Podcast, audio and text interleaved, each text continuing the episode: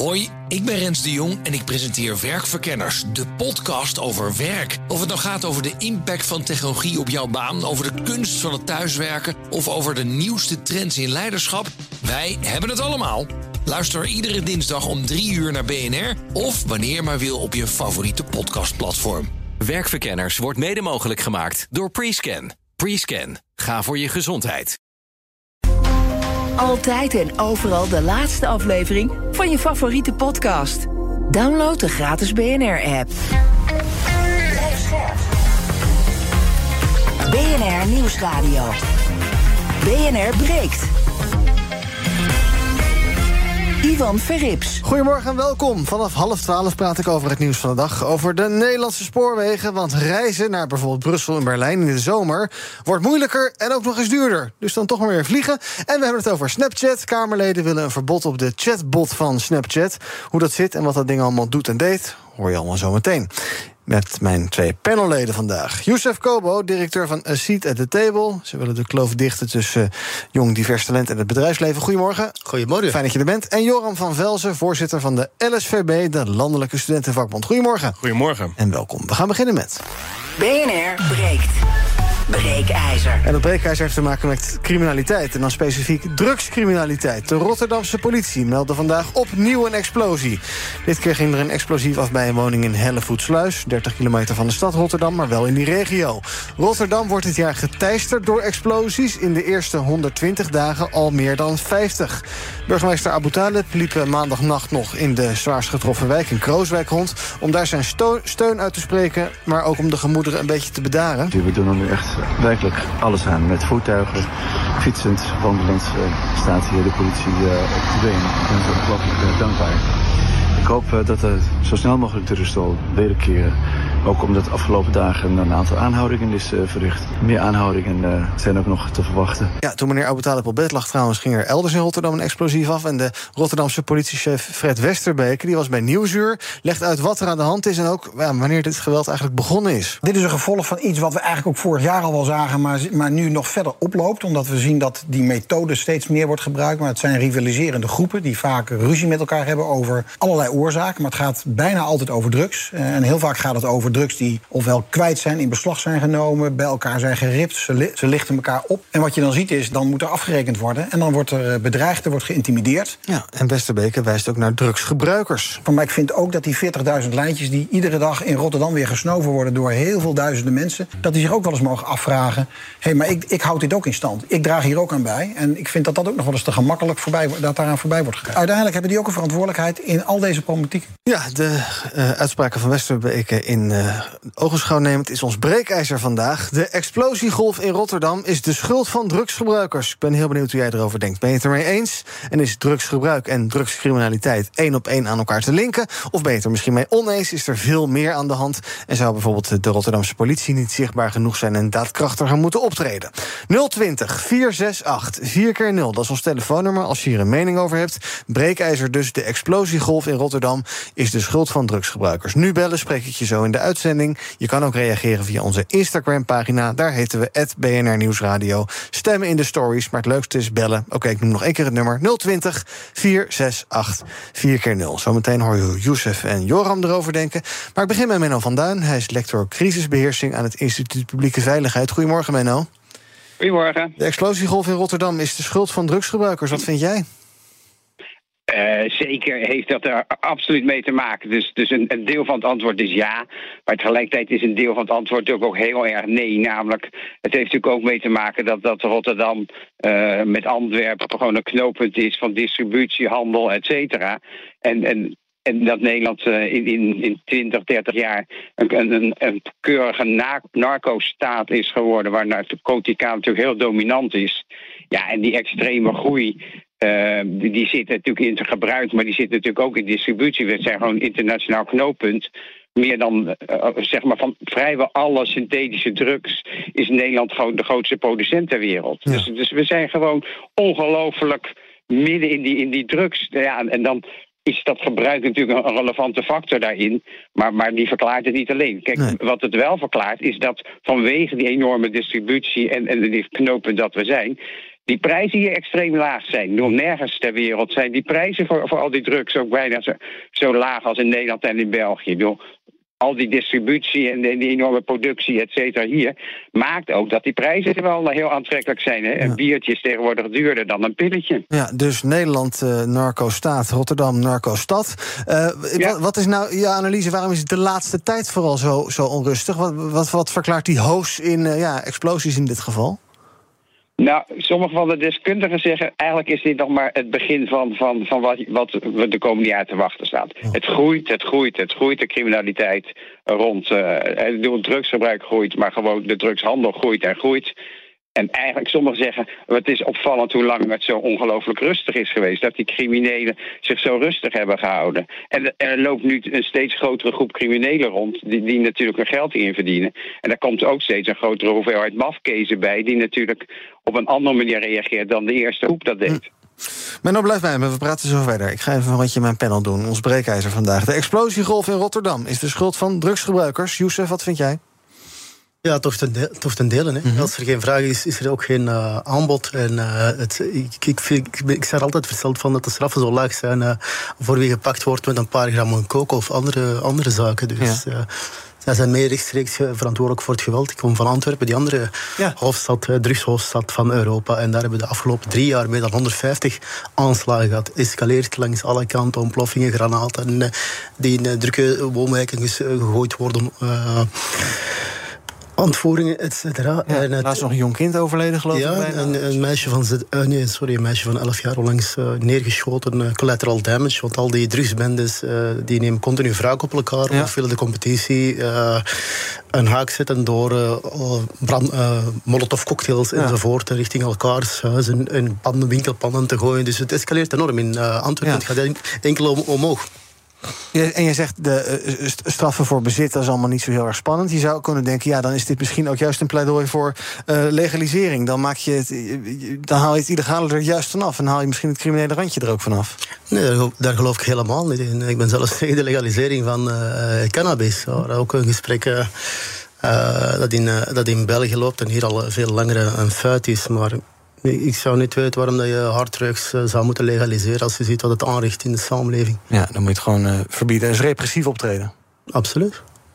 Joram, wat vind jij? De explosiegolf in Rotterdam is de schuld van drugsgebruikers? Ja, ik ben eh, met het risico om toch weer te gaan herhalen wat er al gezegd is. Ik denk gedeeltelijk wel. Ik denk uh, voor ook de mensen die denken in het weekendje... oh, in het weekend uh, een klein lijntje doen. Ach, wat kan dat nou voor kwaad? Precies. Nou, dus dit is ook wel een van de gevolgen eraan.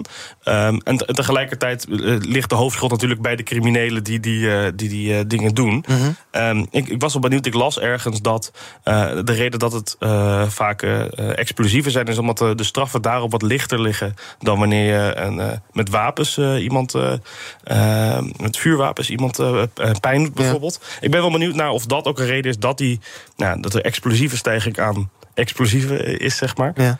Um, maar ja, ik denk gedeeltelijk moeten ook de gebruikers zich verantwoordelijk voelen hiervoor. Ja. Maar nou, wat is jouw indruk? Waarom, is, waarom zijn explosieven opeens zo uh, uh, interessant geworden? En niet de, ja, ik zeg maar even, het ligt een beetje cru, maar de klassieke schietpartij?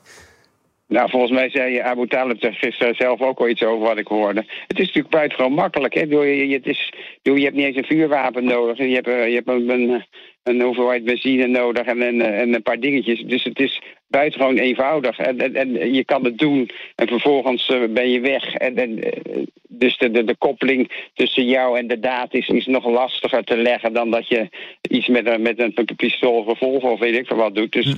dus, dus misschien is, heeft zelfs de pakkans nog wel een gevolg. En, en inderdaad, het, het, is een indirectere, dus het zou ook best kunnen dat de strafmaat nog een rol speelt. En het is ook natuurlijk copycat gedrag. Ik bedoel, als het eenmaal werkt, dan ga je dat ook verder, uh, dan blijf je dat op zo'n manier wel doen. Ja, het is misschien ook een beetje, het, ja, gek genoeg, het gevolg van een steeds meer succesvolle aanpak. We hebben dat, dat HARC-team, Hit and Run Cargo Team, dat nou ja, drugs probeert op te sporen. Heeft vorig jaar 47.000 kilo cocaïne in de Rotterdamse haven opgespoord. ja, dat wordt dan dus ergens gemist. En daar moet dan iemand achter iemand anders aan?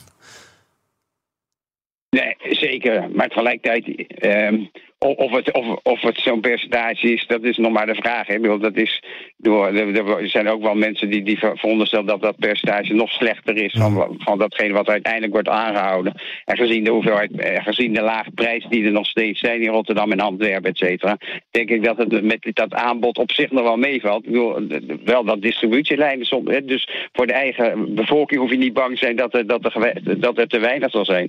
Maar voor de distributielijnen kan dat best van invloed zijn. Timo, goedemorgen. Ja, goedemorgen meneer Philips. Nou, ik vind uh, drugsgebruikers kan je wel degelijk verantwoordelijk stellen juridisch. Alleen, uh, ik vind dat je er wel de lijn moet doortrekken naar al die leidinggevenden in Nederland die werkomstandigheden scheppen waarin mensen in feite worden gedwongen om drugsgebruik als zelfmedicatie te hanteren of andere sociale uitspattingen. Zoals op de Zuidas bijvoorbeeld. Zoals op de Zuidas bijvoorbeeld, waar, je, waar de druk enorm hoog is en mensen naar drugs grijpen.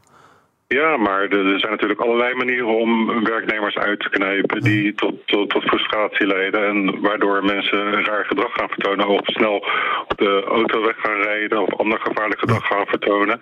En als je die mensen geen people skills aanleert en uh, organisaties opricht waar mensen zich senang voelen, dan krijg je dat drugsgebruik en andere uitspattingen ook niet weg, denk ik. Het is een brede uitdaging. Dankjewel, Timo. Minne, goedemorgen. Ja, goedemorgen, met uh, Minne Telman hier. Ja, ik, uh, ik moet zeggen, ik vind het enigszins ook wel haast lachwekkend wat ik allemaal hoor.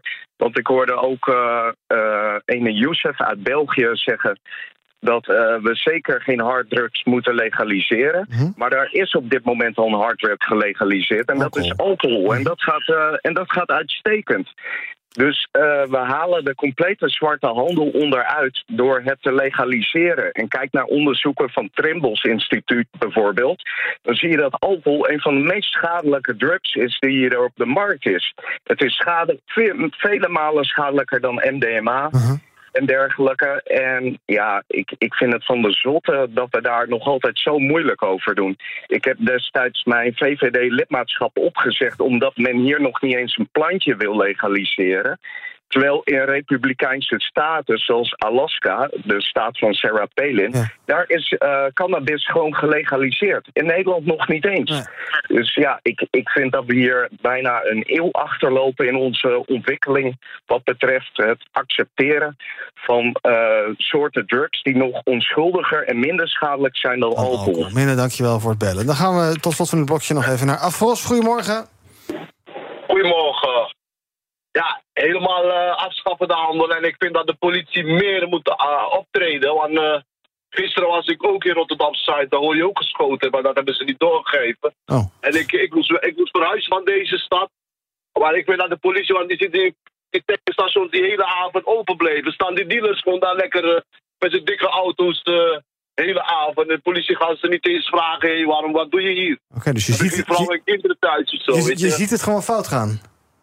Ja, nee, de politie doet heel weinig, joh. Want, uh, die jongen, die, ik denk dat de politie zelf bang is voor die jongen, denk ik. Want, ja, uh, gaan dus dat is dan de hele dag, die tankstation vol met dikke auto's. Wat doen ze dan de hele dag dan? Ja, nou, dat gaan we gelijk maar eens voorleggen, Menno van Duin. Dankjewel voor het bellen, Afros. BNR breekt. Ivan Verrips.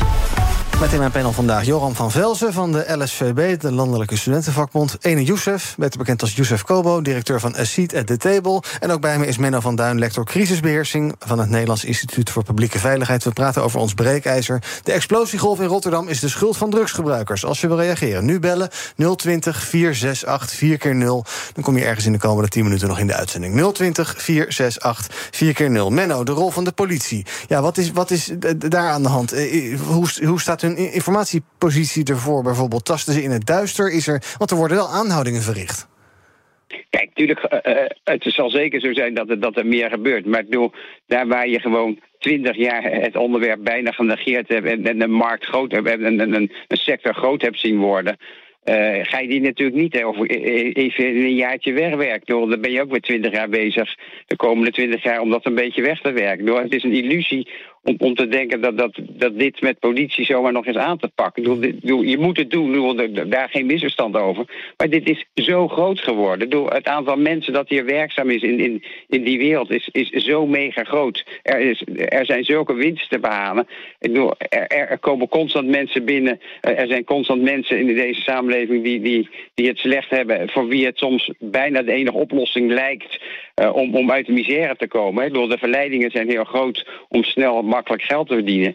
Ja, dat, dat, dat los je niet zomaar alleen op door te denken, ah, hupsakee, meer agenten en, dan- en dan gaan we het... bedoel, te- Je moet het doen, maar, maar dit is echt een, een, een wedstrijd met een, voor een hele lange adem. Die, die, die jaren en jaren gaat duren. Want kijk, die internationale handel groeit. Omdat natuurlijk het internationaal gebruik groeit. In Nederland zie je ieder jaar dat gebruik eh, van, van allerlei vormen van drugs. met 3, 4, 5 procent groeien. Maar in, in heel veel andere landen gebeurt dat ook. Zolang Nederland dat distributieknooppunt is en, en Antwerpen. Ja, dan is het dus alleen maar groeien, groeien, groeien de komende jaren. Ja. En wat zegt het jou dat er dan eh, bijvoorbeeld ook hele jonge kinderen soms worden aangehouden? Ik geloof vorige week nog kinderen van 14 en 15. Ja, worden die dan ingezet omdat daar dan eh, jeugdstrafrecht eh, tegen, tegen, tegen kan worden ingezet en dat die straffen niet zo hoog zijn? Zeker, dat, dat, zal zeker ook, ook een rol spelen. Maar, maar ook voor hen is die, zijn die verleidingen heel groot. Het is- op die leeftijd zijn er ook al forse aantallen die gebruiken. Bedoel, Als ik was een gesprek met een aantal politiemensen in, in, in, in, het, in Groningen, of in de, in de provincie Groningen, over dit thema. En die zeggen, ja, wat mij het meest verbaast, is dat ik, dat ik steeds jonger eh, gebruikers zie. Ik bedoel, dat, dat kinderen van 13, 14 al gewoon regelmatig drugsgebruikers zijn geworden. Dus ja, en, en dus dat betekent ook dat de jongeren eh, natuurlijk in de criminali- criminaliteit komen. Joram, LSVB, welke rol is er voor het onderwijs weggelegd? Ik denk dat in het onderwijs een, een voorlichtende rol ligt. Eh, we hebben natuurlijk eh, allemaal op de basisschoolbureau Halt die een keertje langskomt en een Oh ja. keer komt vertellen. Nou, die drugs, dat moet je maar niet gaan doen. Ik denk dat we daar wel een veel grotere rol kunnen zien. We hebben bu- eh, nou, bijvoorbeeld burgerschapsonderwijs in het MBO, waarbij, waarbij wordt verteld over nou, wat is het om een burger te zijn in de samenleving. Daar vind ik ook preventie een groot onderdeel. Maar ook als het gaat om eh, eh, lessen over biologie en gezondheid, dat, Mhm. dat er ook echt wel risico's aan, aan drugsgebruik ge- gebruik zitten verbonden. Ja, Youssef, eh, Menno zegt net, het is eigenlijk een hele brede aanpak. Het is zo uit de hand gelopen. Ik kan me ook voorstellen dat je inderdaad op armoedebeleid... dat je daar meer moet doen. Dat inderdaad de verleidingen voor ja, mensen die niet zoveel te besteden hebben... die voor een paar duizend euro wat risico lopen. Nou, als je zorgt dat die trigger ook weg, weg wordt gehaald... dat zou misschien ook enorm schelen.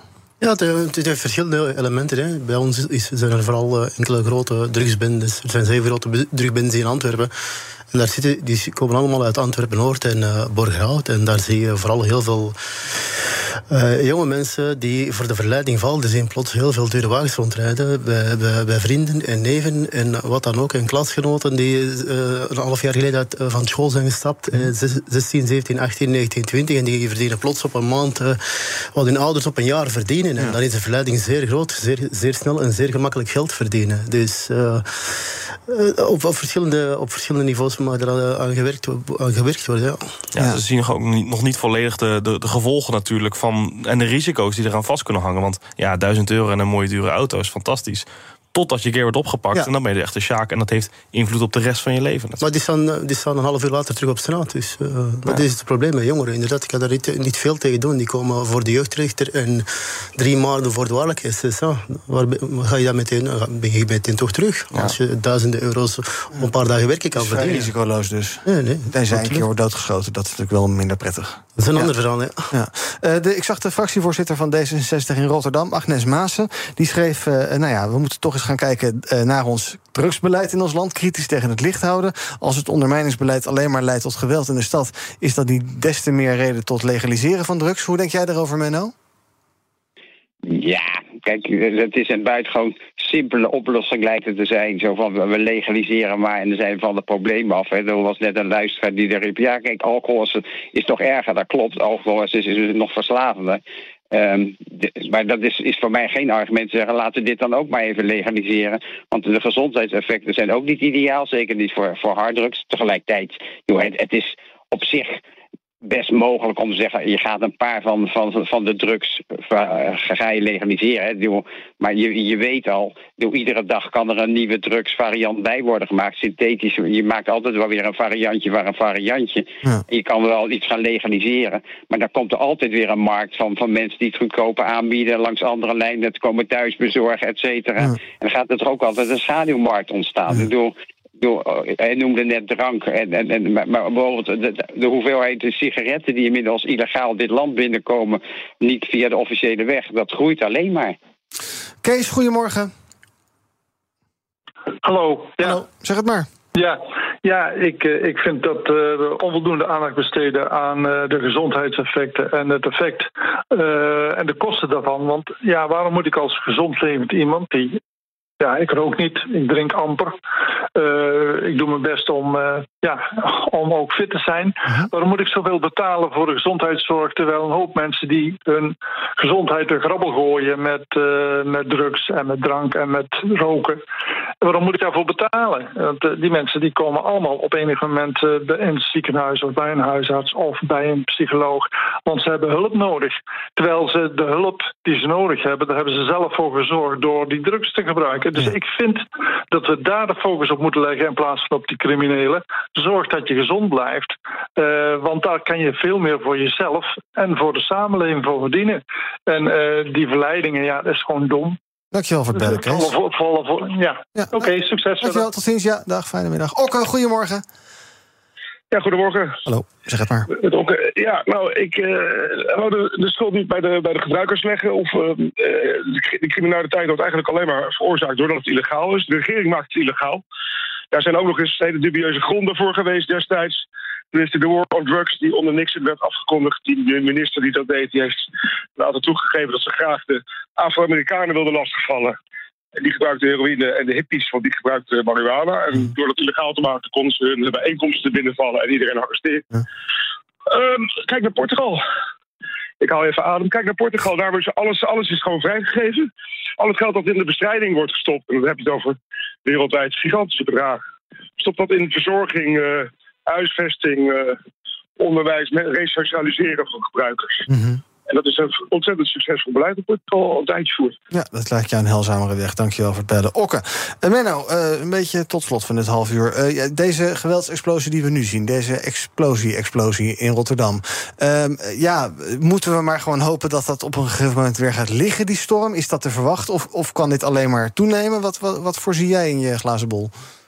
Nou, mijn glazen bol zegt dat, dat het misschien best eventjes weer een halfjaartje weer, weer rustig kan zijn. Maar dat de drugsgerelateerde de criminaliteit en ook, de, ook de, ex, de, de uitwassen ervan de komende jaren eerder meer dan minder gaan worden. Ja. Gezien de extreme hoeveelheid uh, gebruikers en de groei daarvan. Niet alleen in eigen land, maar, maar wereldwijd. Ik bedoel, er zijn hele, hele werelddelen die ontwikkelen en waar ook steeds meer drugs worden, worden gebruikt. Ik bedoel, en zolang Nederland dat knooppunt is. Ja ja, ga je hier natuurlijk die problemen krijgen. Ja. Ik bedoel, dat, is, uh, dat is het voordeel van knooppunt zijn, om het maar zo te zeggen. Ja, en als we er echt iets aan willen doen, dan moet je dus echt daar een brede aanpak voor, ja, een breed ja, programma aanpak zeker, voor maken. Zeker, zeker. En dan heeft het natuurlijk met, met de gebruik in eigen land te maken. Maar in zekere zin, ik bedoel, daar kan je allerlei dingen aan doen. Je kan het legaliseren, maar dat is een, een druppel op een gloeiende plaat in relatie tot de problemen die we nu in Rotterdam zien. Ja, um, Joram, nog even. Het festivalseizoen staat er op het punt van beginnen. Er zijn weer allerlei jongeren van uh, onze leeftijd die binnenkort uh, lekker een uh, lijntje of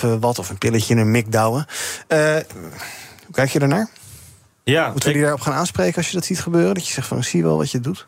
Nou, ik denk dat, dat er altijd een verantwoordelijkheid is om elkaar aan te spreken. Maar wat, wat we net ook zeiden, is dat in het onderwijs ook een grote rol ligt ja. om bewustwording te creëren en uh, te zorgen voor preventie. En ik hoop dat mensen zich gewoon wat meer bewust zijn van de grote effecten die, uh, die dat kunnen hebben. Ja. Jozef, wat denk jij? Denk jij dat het uh, vanzelf uitdooft of zal het alleen maar erger worden de komende tijd? Als ik gewoon een vergelijking mag gaan maken met uh, Antwerpen, ik denk dat het alleen maar ja. gaat escaleren en toenemen. We gingen, we gingen van één explosie per maand naar plots heb je sommige weken drie, vier op een week. Ja.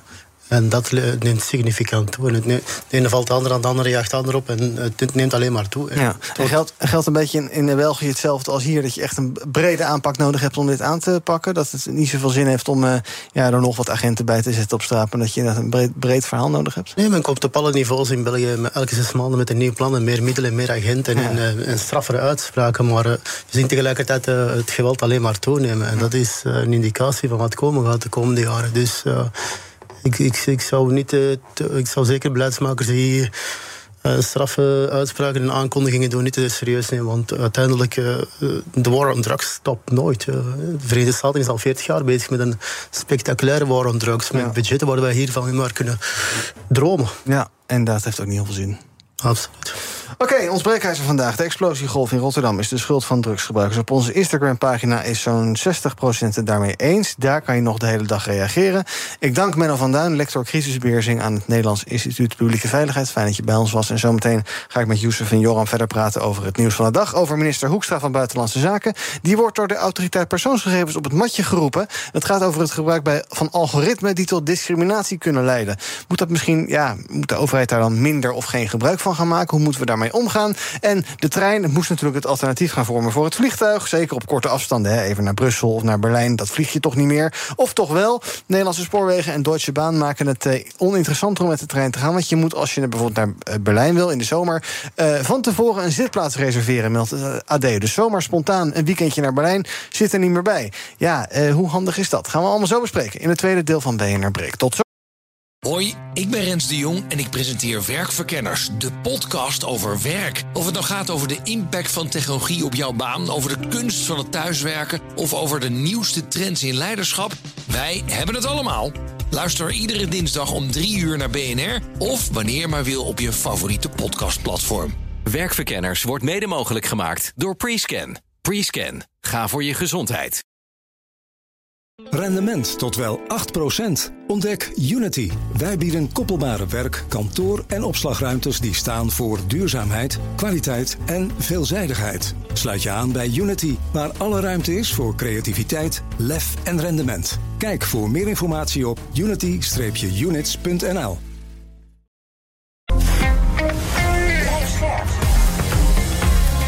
BNR Nieuwsradio. BNR breekt. Ivan Verrips. Welkom terug in mijn panel vandaag. Youssef Kobo, directeur van A Seat at the Table... en Johan van Velzen, voorzitter van de Landelijke Studentenvakbond. En wij gaan praten over het nieuws van de dag. Te beginnen in Den Haag, want alweer komt een uh, overheidsinstelling... in dit geval het ministerie van Buitenlandse Zaken... in de problemen door het gebruik van algoritmes. Minister Wopke Hoekstra van Buitenlandse Zaken... moet in uh, hoogste eigen persoon verschijnen bij de autoriteit persoonsgegevens... in, verband met het gebruik van discriminerende algoritmen. Heeft te maken met uh, visumaanvragen... Wie een visum voor een kortdurend verblijf wil aanvragen, die uh, kan daarvoor terecht bij een bedrijfje. Dat heet uh, VFS Global, dat namens het ministerie alle aanvragen verwerkt. En om dan te bepalen welke aanvragen extra gecontroleerd moeten worden, wordt gebruik gemaakt van software die daarbij rekening houdt met onder meer de nationaliteit. En de autoriteit persoonsgegevens, ja, die heeft daar toch wat bezwaren bij. Die uh, vindt dat ingewikkeld en wil dus dat uh, Wopke daar uitleg over komt geven. En het is niet voor het eerst dat de overheid in de problemen komt met allerlei discriminerende algoritmen. April vorig jaar was er een, een boete voor buitenlandse zaken van een half miljoen vanwege slechte beveiliging van het Nationaal Visuminformatiesysteem. Er is ook al intern een keer geadviseerd van goh, misschien moeten we stoppen met die algoritmen. Maar nu mag uh, Hoekstra komen uitleggen hoe het zit. Als je dit zo hoort, Youssef, wat denk je dan? Ja, algoritme en de overheid, dat is toch een beetje een ingewikkelde combinatie, omdat die algoritmen vaak ook een soort black box zijn waarbij je maar moet gokken wat eruit komt, zeker als eindgebruiker. Ja, nee, ik vind het verschrikkelijk. En zeker, uh, we leven in een samenleving waar de algoritmes uh, zo goed als alles gaan overnemen de, de, komende jaren en decennia. En daar moet er heel wat transparantie gecreëerd worden en duidelijke afspraken en regels. En, uh, zeker een instituut zoals Buitenlandse Zaken, het ministerie van Buitenlandse Zaken, moet net daar het goede voorbeeld geven. Ik ben. Ben zelf al zeer vaak met het vliegen richting Canada, Verenigd Koninkrijk en Verenigde Staten. heb ik al redelijk vaak vier S's op mijn vliegtuigticket gekregen. En wat betekent dat? Uh, een random controle die zeer lang duurt. Of ze komen soms van uh, uit de rij halen en je bent een half uur bezig en je, je kan nog niet je vlucht halen. Ja. En uh, ik denk dat het ook altijd een random algoritme is van hey, deze persoon heeft een Arabische naam of een Marokkaanse achtergrond. Dus ja. En zo heb ik heel veel uh, vrienden en kennissen die zo nu en dan ook eens die 4S krijgen. En die hebben zo goed als allemaal dezelfde achtergrond. Dus ja. daarom, uh, ik kijk warg uh, naar, naar dat verhaal van buitenlandse zaken en het algoritme. Ja, en het overkomt jou dus vaker dan een witte Belg die een... Niet leuk. Wat zei je? Ja, absoluut niet leuk. Nee, nee, maar, is, maar, nee, maar het is dus niet... je staat gewoon vaker langs, langs de rij dan anderen. Ja. ja. Vind je van Joram? Ja, ik vind het heftig. Het doet me toch ja. een beetje denken aan, uh, ja, het is een buzzword geworden, maar toch die uh, toeslagenaffaire. -hmm. Met dat, dat, wantrouwen in de overheid. En uh, ja, er worden dit soort dingen ingesteld om het toch allemaal wat efficiënter te maken. Hè. Hoeven minder ambtenaren erop te zetten die dat allemaal moeten gaan regelen. Maar een algoritme kan dat doen. En dan zie je dat dat ding niet vlekkeloos is. En er worden gewoon mensen gediscrimineerd. Ja. Ik las dat, eh, dat ook Surinaamse mensen vaak eh, er toch uit worden gepikt. En dan denk ik, jeetje, dat is een land wat we ook, ook als Nederland in onze geschiedenis gewoon veel hebben leeggetrokken en eh, gebruik van hebben gemaakt. En nog steeds zijn we heel discriminerend naar, naar die mensen die uit Suriname komen. Ik vind dat heel heftig. De invoer is blijkbaar heel belangrijk bij het ontwikkelen van het algoritme. Ik ben een paar keer bij Google in New York geweest. En daar hang- hangt op zo goed als elke afdeling eh, een papiertje als een reminder voor- alle ontwikkelaars van eh be careful of your biases. Ze zijn er overal voor alle projecten en programma's Ja. allerlei algoritmes aan het ontwikkelen. En daar herha- herhaalt iedereen van, eh, denk aan dat we die en die groepen niet benaderen. Er is vaak over man versus vrouw, et cetera.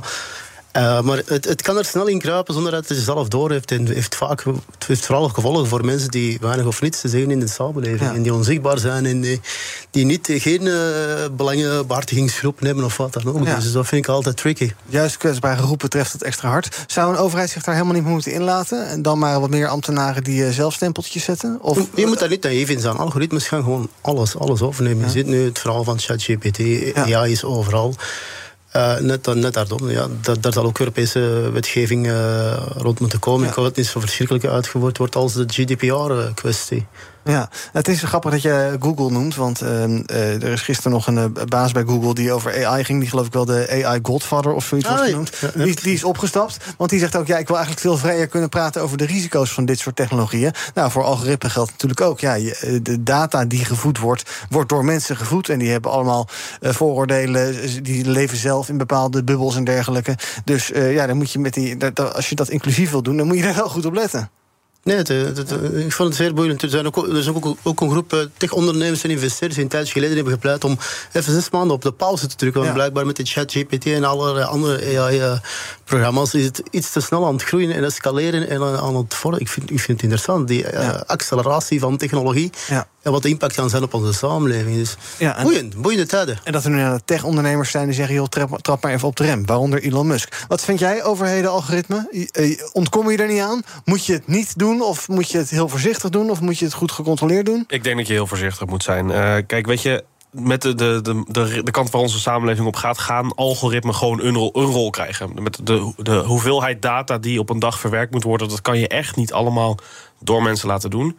Tegelijkertijd moeten we ook heel veel dingen inbouwen om de risico's zoveel mogelijk uh, te tackelen. Ja. En als ik dan, dan lees dat er een, een privacy-offer is geweest die hier maanden geleden al zorgelijke signalen over heeft geuit. Op het ministerie? Op het ministerie, van het ministerie zelf. Ja. En die wordt gewoon uh, aan, aan de kant gezet, zeg maar. Uh, weet je, dat, dat maakt dan niet uit. De, die, die signalen die negeren we even. Dan denk ik, jeetje, dat, dat, is, dat is dus een hele keuze. Dat is niet een foutje. Mm -hmm. Dat is bewust gewoon niet omgaan met de, met de zorgen die er zijn. En daar schrik ik heel erg van.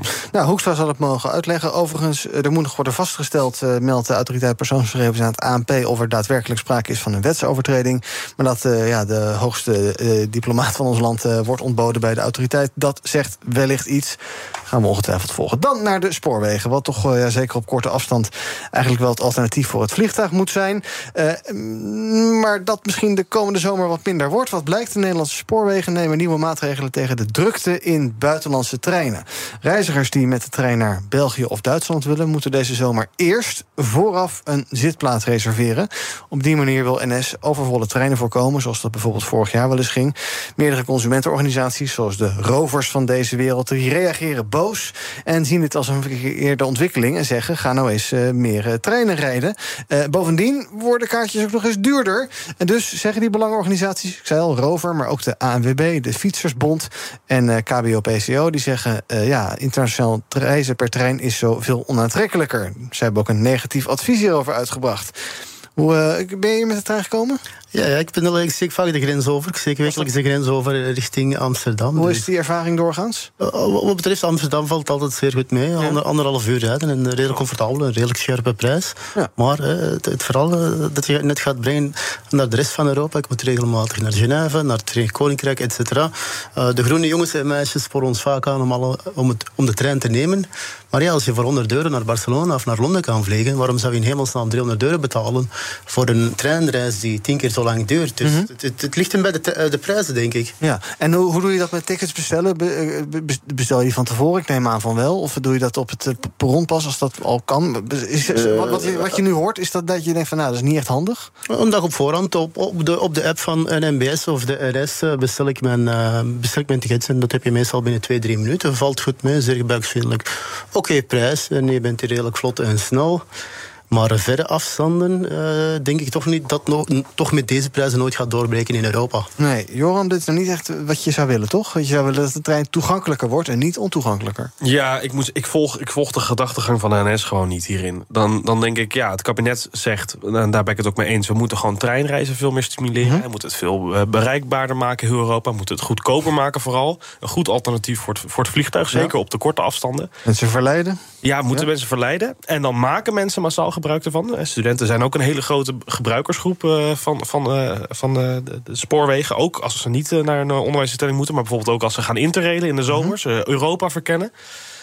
Ja, eh, nee, dat moeten we toch maar niet willen, want het is veel te druk. Dus we gaan gewoon het moeilijker maken om het gebruik te maken van de trein. Ik vind dat zo andersom denken en ik, ik snap het gewoon niet. We moeten gewoon de capaciteit uitbreiden.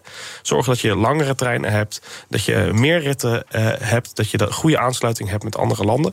En, en zo eh, ervoor zorgen dat je, dat je treinreizen stimuleert. Maar capaciteit uitbreiden, eh, wat betreft trein, dan spreek je meteen altijd over miljarden. Hè?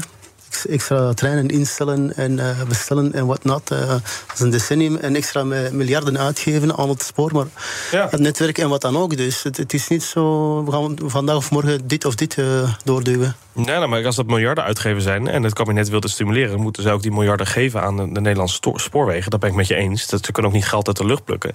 Maar ik vind, ik van dit soort verhalen, weet je, het feit dat, dat we nu zo'n zo'n boom hebben van, van interrailers, dat is niet nu ineens een ding. Dat, dat wisten we al tijden. Er is tijdenlang niet voor gekozen om te investeren in meer, eh, meer rijtuigen bijvoorbeeld. Ehm, ja, dan zijn dit de gevolgen. Ja, Om je een idee te geven, we gaan- we gaan net in België een kleine update doen van het spoor. Het gaat een kleine 30 jaar duren en 43 miljard euro kosten. Ja, is dat kleine update. Is dat, dat is veiligheidssysteem of niet? Veiligheidssysteem, een vlotter verkeer en nieuwe treinstellen. Ja, nou ja, daar wordt hier ook aan gewerkt. RTMS, dat is dan een nieuw Europees veiligheidssysteem... waardoor er ook meer treinen uiteindelijk kunnen rijden. Die kunnen ook dichter op elkaar rijden. Maar ik geloof dat eh, jullie in België daar nog een stuk eerder mee klaar zijn dan wij. Bij ons is het geloof ik in 2050 is dat een keer klaar. En dan kan je dus dichter op elkaar gaan rijden. Nou ja, oké. Eh, aan de andere kant, we hebben vorig jaar ook beelden gezien... van eh, zeker in Duitsland, ICE-treinen... die dan vol zaten met onder andere Nederlandse reizigers. Ja, die, dan konden er mensen niet mee. Treinen die uitpelden, treinen die stations moesten overslaan. Ja, dat is natuurlijk ook suboptimaal. Dus dan moet je misschien toch ook maar eh, de aanbodkant een beetje beperken. Ja, het is niet leuk, maar bot maar. Ja, ja, nou, ik denk dat er echt wel alternatieven zijn op dat. Zeg maar, ik denk dat het. Ja, het is echt wel vervelend als je in een bomvolle trein zit en het zit stampvol. Maar zeker na corona, waarbij ook de Nederlandse spoorwegen een hele klap hebben opgelopen. Ehm, is het juist heel goed als we mensen stimuleren om te gaan. En ik denk dat we dat niet moeten tegengaan. En ontwikkelingen zoals dat het moeilijker werd om met de Eurostar eh, tussen Amsterdam en Brussel te gaan. Ja, dat, dat, dat moeten we toch weer om gaan draaien, denk ik. Tijdelijk, tamelijk onbegrijpelijk verhaal dus. Absoluut. Hoi, ik ben Rens de Jong en ik presenteer Werkverkenners, de podcast over werk. Of het nou gaat over de impact van technologie op jouw baan, over de kunst van het thuiswerken of over de nieuwste trends in leiderschap, wij hebben het allemaal. Luister iedere dinsdag om 3 uur naar BNR of wanneer maar wil op je favoriete podcastplatform. Werkverkenners wordt mede mogelijk gemaakt door Prescan. Prescan. Ga voor je gezondheid. Rendement tot wel 8%. Ontdek Unity. Wij bieden koppelbare werk, kantoor en opslagruimtes die staan voor duurzaamheid, kwaliteit en veelzijdigheid. Sluit je aan bij Unity, waar alle ruimte is voor creativiteit, lef en rendement. Kijk voor meer informatie op unity-units.nl. breekt. Over de woest aantrekkelijke regeling van eh, Christiane van der Wal, onder andere. In mijn panel vandaag Youssef Kobo van A Seat at the Table... en Joram van Velzen, voorzitter van de LSVB... de Landelijke Studentenvakbond. En wij gaan kijken naar wat jullie zelf is opgevallen in het nieuws. Youssef, ik wil met jou beginnen. Jij wil het hebben over deze man. The modern idea is you're supposed to accept yourself. I think that's an insane idea, by the way. Really, I think I can't think of a more nihilistic idea than that you're already okay. It's like, no, you're not.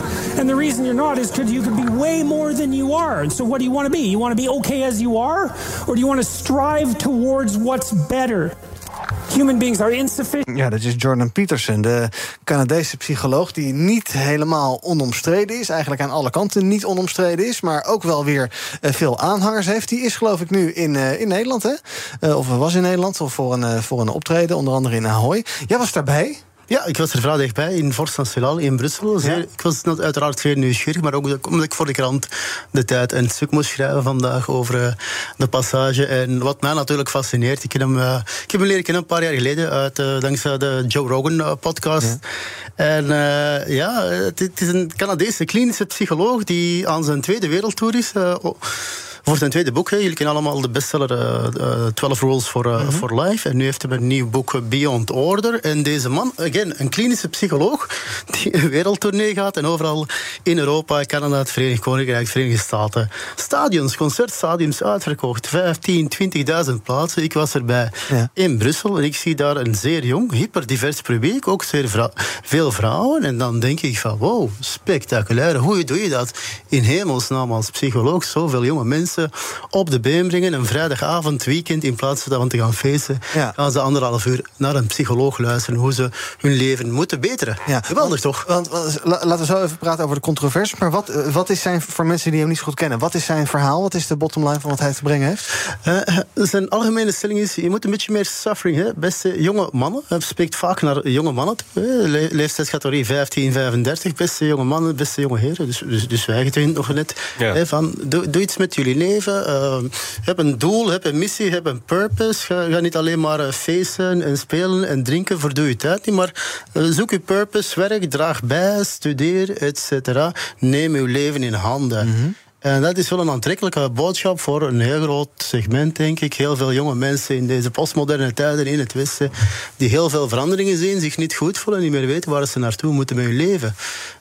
Er is geen richting meer. En dan val je heel snel in de handen van een Andrew Tate of een, uh, een Jordan Peterson of wat mm -hmm. En Jordan Peterson, we gaan zo meteen naar de controverse, vind ik nog redelijk, uh, redelijk versus ja. wat er nog allemaal uh, op het internet te vinden is. Ja, want nou ja, laat ik maar gelijk doen. Uh, waarom, waar zit bij hem inderdaad de controverse? Waarom ligt hij ook regelmatig onder vuur? Ja, hij heeft zo nu en dan wel straffe uh, uitspraken. Nee, again, hij is een conservatief en hij heeft een spouser, uh, denkt vaak in, in traditionele family values. Ja. En hij is natuurlijk wereldwijd bekend geworden een goede vijf, zes jaar geleden met kritiek op de LGBT-movement en dan vooral die laatste twee daar, de, de transgender-movement, heeft daar vaak zeer scherpe uitspraken over. Ja. En daarnaast, hè, conservatieve denker, je krijgt vaak de kritiek van links van. Dat hij een uh, pleitbezorger is, dat hij een seksist is, dat hij een pleitbezorger is van uh, patriarchale samenleving en wat not. En het, het, het, het, is toch wel altijd vuurwerk als hij in de media komt, in het nieuws komt. Er zijn heel veel betogingen. Er, zijn, er wordt vaak tegengewerkt op de Universiteit van Toronto, McGill University in Canada, Harvard University, waar hij ja. heeft gesproken. Er zijn veel betogingen, er zijn veel petities. Het is altijd vuurwerk als hij ergens ja. komt. Dus het is altijd show. Als je nou de, je... oh, en uiteraard nog een belangrijk, ja? een topic die hier vaak aan bod is geweest. Ja, hij is, is ook natuurlijk geen grote fan van de covid-vaccinaties. Er zit daar ook een groot complot in. En tirannie, we worden overgeleverd aan tirannen die ons niet meer Klim buiten laten. Klimaat. Ja, klimaat is ook zeer sceptisch over. Dus ja, klassiek wat je meer vaker in, in conservatieve kampen tegenkomt. Hè. Klimaat, ja. uh, covid, uh, ja. open samenleving, toch allemaal zeer bedenkelijk. Ja. En wat neem jij dan mee van die avond in Vorst? Wat, wat, wat, ja, wat, is, jouw, wat is jouw bottom line van die, van die bijeenkomst? Wat ik fascinerend vind, en daar mogen beleidsmakers en alle andere actoren even stil bij staan, is dat er zoveel jonge mensen zijn in onze samenleving die richting zoeken. Los van de boodschap van een Petersen en andere spelers. Jonge mensen zoeken zingeving, zoeken waarde, zoeken een verhaal. En niet iedereen is mee met alle veranderingen in onze samenleving. Vrijheid, blijheid. Mm. Mooi, dankjewel. Joram, je wil het hebben over kennisveiligheid binnen Nederlandse universiteiten. heeft te maken met een verhaal in de Trouw vanochtend. Waaruit blijkt dat universiteiten vaker promovendi met beurzen uit China uh, weren. Want aan die beurzen er zitten nogal uh, bijzondere voorwaarden verbonden. Ja, ja, even weer totaal iets anders. Uh, het gaat inderdaad over promovendi. Nou, dan kan je bijvoorbeeld denken aan de, S, de CS C-beurs, de China Scholarship Council beurs. Het gaat eigenlijk om dat je uh, nou, betaald krijgt om te gaan studeren in het buitenland. En er zitten inderdaad rare voorwaarden aan. Bijvoorbeeld dat je moet beloven dat je rapporteert aan de ambassade of het consulaat van China. En trouwens weert aan de communistische partij in China. En je moet na je studie of nadat je je promovendus hebt afgerond, moet je minstens twee jaar lang weer in China gaan wonen en gaan werken. En er is best wel wat kritiek over. Zeker bij opleidingen die op een snijvlak zitten van wetenschap en, en defensie bijvoorbeeld. Ehm, ja, toch wel wat zorgen over de kennisveiligheid en, en informatie die misschien kan lekken richting China. Ja. Dus nou, heel veel universiteiten zijn uh, toch wel terughoudend over uh, ja, het brengen van, uh, van Chinese promovendi als het gaat om dit soort studies. Ja, en dat vind je verstandig, want je kan ook zeggen: onderwijs moet een open, samen open wereld zijn, waar iedereen alles welkom is. Of ja. je van nou. Nou, kijk, weet je, ik, ja, onderwijs moet een open, vrije wereld zijn waar heel veel uit, kennisuitwisseling is. Dan moeten ze zoveel mogelijk stimuleren. En tegelijkertijd zitten daar ook gewoon risico's aan vast. Ik bedoel, uh, de, de Chinese overheid probeert actueel te bespioneren in de Nederlandse samenleving. Dat is, dat is geen gerucht, dat is gewoon de werkelijkheid. Mhm. En daar moeten we ons wel toe verhouden. Uh, dus we moeten ook wel risico's, ook wel voor Nederland en voor Europa bijvoorbeeld, moeten we wel mitigeren, moeten we tegen willen gaan. Ja. Dus ja, dat is een hele lastige balans. Zeker als je ook bedenkt dat je niet discriminerend wil zijn of stigmatiserend richting Chinese mensen. Want die, hebben, zijn soms ook maar gewoon slachtoffer van het systeem Ja. waarin ze zitten. Die hebben ook recht op eh, kennis. Ja, Op en weet je, die, Ja. die willen zich ook ontwikkelen als mens. Die willen zich ook eh, eh, academisch ontwikkelen. Dus dat is wel een heel lastige. En, nou, wat ik heel mooi vond is dat UNL, de Universiteiten van Nederland... die hebben opgeroepen, kom nou met beleid hiervoor... zodat je niet per universiteit andere regels hierover gaat krijgen... of, of een soort red race van... oké, maar wij nemen wel Chinezen aan, wij niet. Nou, zorg voor, voor landelijk beleid. En dat, dat, dat eh, steun ik wel. Er zijn nu zo'n 200 2000 van die promovendi eh, eh, in, in ons land. Sommige universiteiten, ik geloof de TU Delft heeft al, heeft al gezegd... we gaan wat terughoudender zijn bij wat spannendere opleiding. Een andere, ik dacht Universiteit Utrecht, heeft al gezegd... we doen het helemaal niet meer, dit willen we niet meer. Ja, wat zou je nu zeggen? Die 2000 eh, moeten we er zo snel mogelijk uitgooien? Nee, dat is het kind met het badwater eruit gooien, denk ik. Ik denk dat je gewoon kritisch moet kijken naar de banden die Chinese universiteiten hebben. Bijvoorbeeld, ze willen geen studenten van de Seven Sons eh, universiteiten in China. Die Mhm. hebben specifiek ook banden met het Chinese leger, bijvoorbeeld. Nou, naar dat soort dingen moet je denk ik gaan kijken. En kijken hoe kan je in de selectie eh, bijvoorbeeld zorgen dat je er een goede screening hebt van de, van de achtergrond eh, van de, die mensen uit China. Onderwijsminister Robert Dijkgraaf die doet onderzoek naar deze kennisveiligheid. Dat is een woord dat ik nog niet kende, dus dank daarvoor dat je het hebt. Kijk wat er trending is op de socials. Nou, we zien onder andere nog wat onrust over de warmtepomp. Daar was gisteren eh, veel over te doen. En de geplande verplichting van warmtepompen vanaf 2026... met ook allerlei uitzonderingen. Veel mensen maken zich niet alleen druk over de kosten... maar ook zou uit berekeningen blijken dat die warmtepompen... ja, niet bepaald altijd besparen op aardgas... en ook niet op de CO2-uitstoot. Vice is trending. Het mediabedrijf is onderweg naar een faillissement. En de kansen op het vinden van een koper worden steeds kleiner... meldt de New York Times. Wordt gezien als ja, een van de grootste mediaplatforms onder jongeren. Maar de toekomst ziet er dus somber uit. Het heeft ook te maken met eh, BuzzFeed, nieuws, wat bijvoorbeeld gaat stoppen. En ook trending, ja, gaat over de poes van Karl Lagerfeld. Ja, dat je dat toch eens zou horen. Gisteravond vond het Met Gala weer plaats in New York. Het thema was dus Karl Lagerfeld, de oud-designer die ons helaas ontvallen is. Maar zijn kat leeft nog. Die kat was uitgenodigd. Maar liet via Twitter weten, Choupette, dat hij niet ging komen. En daarom waren er meerdere mensen die verkleed gingen als Choupette. De legendarische kat van Karl Lagerfeld. Bijvoorbeeld eh, Jared Leto, die eh, eh, zanger, die stal daarmee volgens sommigen de show of het bal. Uh, I knew Carl. Uh, he was always such a kind man to me. Uh, and I, I could just imagine him looking down with a big smile on his face, uh, seeing Choupette. Yeah, oh my god. Uh, En uh, Choupette lag thuis lekker op de verwarming te brommen. Tot slot moeten we het nog even hebben over My AI. Dat rijmt, maar het is ook die chatbot van Snapchat... die een tijdje geleden in het nieuws kwam... omdat hij wel hele rare voorstellen deed. Die wilde graag gaan afspreken met uh, ja, kinderen... vooral die met dat ding uh, chatten. En die had ook daadwerkelijk afspraaklocaties en tijden... en die vond het hartstikke leuk om dat te doen. Kamerleden in de Tweede Kamer zijn nu bang voor contact... tussen kwetsbare kinderen en deze nieuwe online vriend. Gaat onder andere meer over... ja, wat mot dat ding nou eigenlijk hier... en moeten we het gaan verbieden? Nou, het sluit een beetje aan bij wat we net bespraken Youssef. Uh, chatbots, dan kan je ook aan allerlei andere chatbots denken. Uh, een verbod, is dat een heilzame weg? Je zou het even tijdelijk kunnen uh, pauzeren en onderzoeken. Uh, je hebt het wel ook wel voor dat pleidooi ja, van de, ja. Het is een nieuw verhaal voor mij, dus je okay. verrast me ermee, maar ik vind het wel hilarisch. Ik zou niet weten waar de chatbot zou moeten afspreken met de kinderen. Nee. Maar uh, inderdaad, je hebt het bij, de uitrol van ChatGPT in het begin gezien. De, de, soms waren er nogal agressieve interacties of sommige mensen werden aangemaand om schadelijke dingen te doen. Ja, natuurlijk met kwetsbare kinderen op Snapchat, social platform, media platform die amper gereguleerd worden. Daar denk ik ook van, ja, lanceer een onderzoek. Ja. Totaal verbieden, misschien iets te voorbarig of again, kind met badwater uh, weggooien. Ja. Maar ja, nou, het, gebeurde hier, het gebeurde hier dus echt. Die chatbot stelde voor, laten we in dit park afspreken. Ik heb een blauwe trui aan en we zijn er om drie uur. Heel heftig. Ik zou gewoon uit nieuwsgierigheid gaan. Ik ben toch benieuwd hoe die chatbot eruit ziet. Wie er dan zit. Vind jij? Ja, kijk, dit is een voorbeeld van, van de wereld die zo ontzettend snel gaat. En dan dit soort ontwikkelingen vanuit het bedrijfsleven die sneller gaan dan reguleringen vanuit Ja. overheden. Waardoor er een soort gaten vallen met een, bijna een soort cowboywereld van wat mag en wat mag niet. En ik, ik zou inderdaad het heel mooi vinden als we zouden kunnen zeggen: grote rode knop, daar drukken we op, even op pauze. En we gaan eens even goed nadenken wat we ermee willen. Maar daar acht ik niet heel realistisch. Nee, vraag hoe haalbaar dat Ja, dus eh, ik denk dat we wel moeten gaan kijken... oké, hoe kunnen we zo snel mogelijk met regulering bezig gaan? Ja. En hoe, wat voor rol heeft het bedrijfsleven in daarover meedenken... wat passend is? Nou, Snap heeft geloof ik al beterschap beloofd, dus dat is een beginnetje. Maar we gaan dit ongetwijfeld nog veel vaker allerlei fouten op dit gebied meemaken. Dank voor jullie aanwezigheid vandaag bij BNR Breed. Youssef Kobo en Joram van Velsen. Morgen ben ik er weer. Tot die tijd volg je ons via de socials. En laat je radio aanstaan, dan is hij over een paar minuutjes Thomas van Zel met Zaken doen. Hoi, ik ben Rens de Jong en ik presenteer Werkverkenners, de podcast over werk. Of het nou gaat over de impact van technologie op jouw baan, over de kunst van het thuiswerken of over de nieuwste trends in leiderschap, wij hebben het allemaal. Luister iedere dinsdag om drie uur naar BNR of wanneer maar wil op je favoriete podcastplatform. Werkverkenners wordt mede mogelijk gemaakt door Prescan. Prescan. Ga voor je gezondheid.